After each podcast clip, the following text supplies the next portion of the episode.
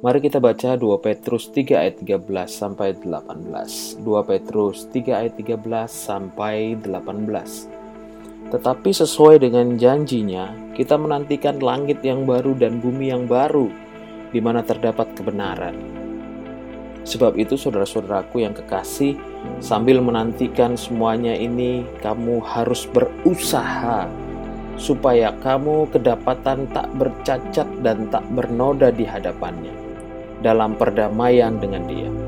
Anggaplah kesabaran Tuhan kita sebagai kesempatan bagimu untuk beroleh selamat, seperti juga Paulus, saudara kita yang kekasih, telah menulis kepadamu menurut hikmat yang dikaruniakan kepadanya.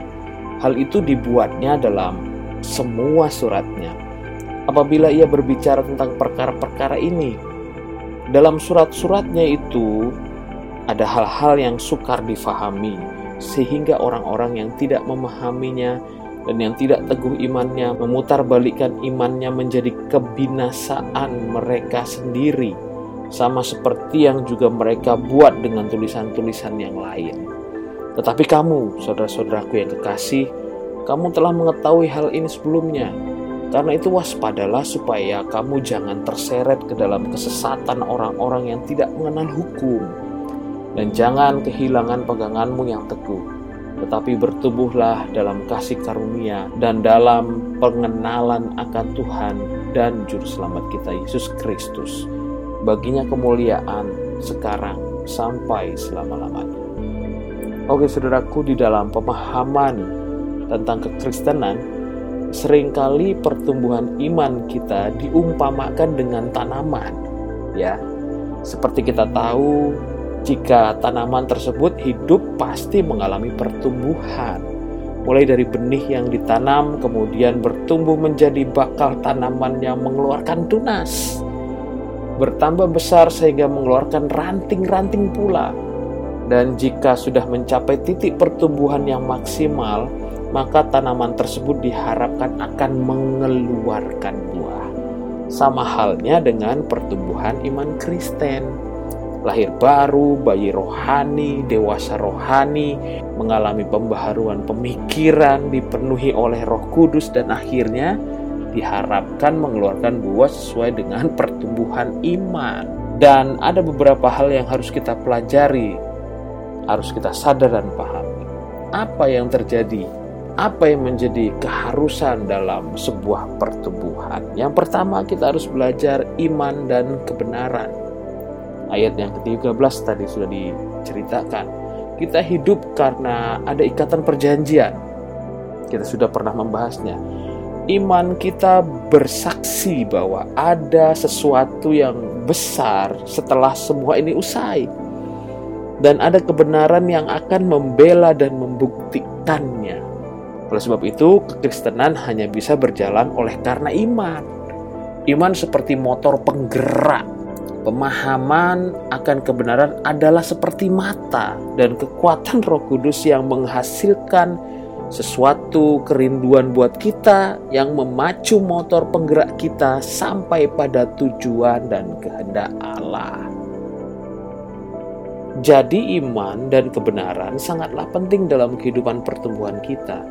Iman membuat kita terjaga dan berjuang sampai menang dan kebenaran membuka jalan terang dalam hidup untuk sampai kepada tujuan ilahi.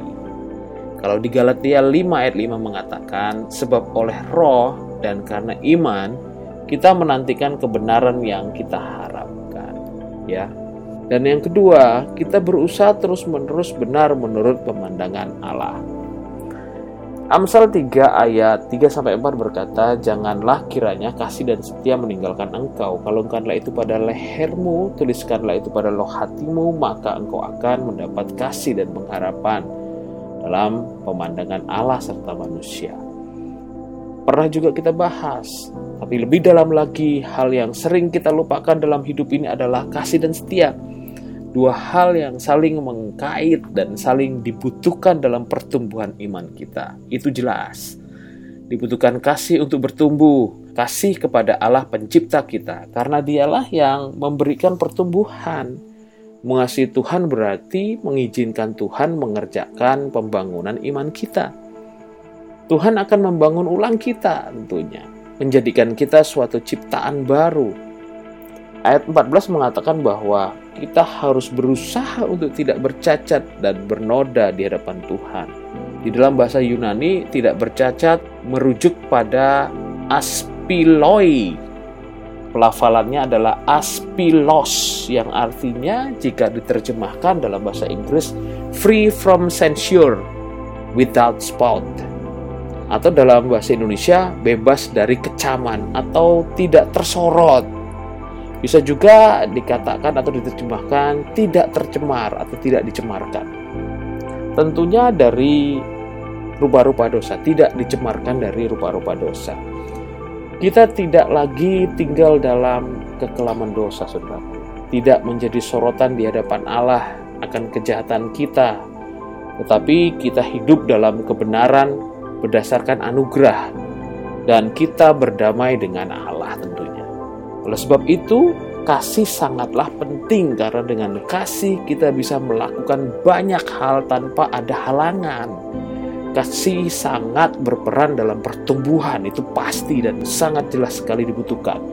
Jika kita menggunakan kacamata kasih, maka kita akan melihat sesuatu perbedaan di dalam hidup kita. Kasih selalu benar dari setiap sudut pandang mana pun kita menggunakannya. Kasih selalu benar. Jika kita melihat dari sudut pandang pemikiran Allah, maka kita akan tahu bahwa Allah memang begitu mengasihi kita ditinjau dalam pemandangan keilahiannya pada Yohanes 3:16 Saudara tahu dan pasti hafal dengan ayat tersebut. Walaupun kita sendiri tahu bahwa kita manusia yang rapuh dan berdosa, tetapi jika kita menggunakan kacamata kasih untuk melihat tujuan dan kehendak Allah dalam kehidupan kita, maka kita akan sanggup mengerjakan maksud dan kehendak Allah itu sampai selesai yang jika dengan pemikiran manusia kita tidak akan pernah mampu bisa melakukannya. Ditambah dengan kesetiaan akan Tuhan. Karena kesetiaan itu seperti ikatan atau jangkar yang mengaitkan kita dengan Tuhan. Besarnya dan kerasnya pembentukan yang terjadi dalam kehidupan kita. Tapi kita akan terus terkait dengan Tuhan. Itulah yang namanya kesetiaan. Kemudian yang terakhir, memahami kasih karunia sebagai anugerah dan kesempatan dan kesempatan dan tidak mempermainkan. Memahami kasih karunia sebagai anugerah dan merupakan kesempatan dan kita tidak boleh mempermainkannya. Kalau kita baca 2 Petrus 3 ayat 15, anggaplah kesabaran Tuhan kita sebagai kesempatan bagimu untuk beroleh selamat seperti juga Paulus, saudara kita yang kekasih, telah menulis kepadamu menurut hikmat yang dikaruniakan kepadanya. Ya, kita tahu bahwa hanya waktu yang tidak bisa kita ubah, bahkan tidak bisa kita hentikan. Waktu terus berjalan seperti tidak mau berurusan dengan kita. Kita yang selalu berurusan dengan waktu. Iya, waktu bisa menjadi kawan, tapi juga bisa menjadi lawan Semakin bijaksana kita menggunakannya kita, semakin bijaksana kita menggunakan waktu, semakin amanlah kita. Tetapi semakin kita mengabaikannya, maka waktu bisa menjadi senjata yang bisa membahayakan diri kita sendiri. Jadi dengan memahami waktu dan membuat waktu menjadi suatu kesempatan, kita bisa efisien dalam membangun diri dan dengan terus memperjuangkan setiap kesempatan yang datang sampai kita beroleh selamat di masa yang akan datang. Selamat di sini diartikan sesuatu yang lebih baik dari sekarang. Misalnya, seseorang mahasiswa harus menyelesaikan kuliah, tanggung jawab dikerjakan dengan benar. Pelayanan kita yang berbuah menjadi perkenanan kepada Tuhan dan manusia Misalnya saudaraku, seorang mahasiswa harus menyes Misalnya saudaraku, seorang mahasiswa harus menyelesaikan kuliahnya. Tanggung jawabnya berarti dikerjakan dengan benar. Di dalam bidang pelayanan, semua yang kita kerjakan itu berbuah menjadi perkenanan kepada Tuhan dan manusia. Kalau Anda yang sedang berpacaran, pacaranlah yang bertanggung jawab. Artinya bukan bertanggung jawab kalau sudah jatuh, tetapi bertanggung jawab agar tidak jatuh. Itu semua akan menyusun sesuatu jembatan untuk sampai kepada masa depan yang lebih gemilang. Jadi, saudaraku, mari terus mengerjakan hal yang benar di hadapan Tuhan. Bertumbuhlah ke arah yang benar, sehingga engkau dipandang berkenan di mata Allah dan di mata manusia. Semoga firman Tuhan ini menuntun jalan Anda kepada terang yang ajaib. Tuhan Yesus memberkati.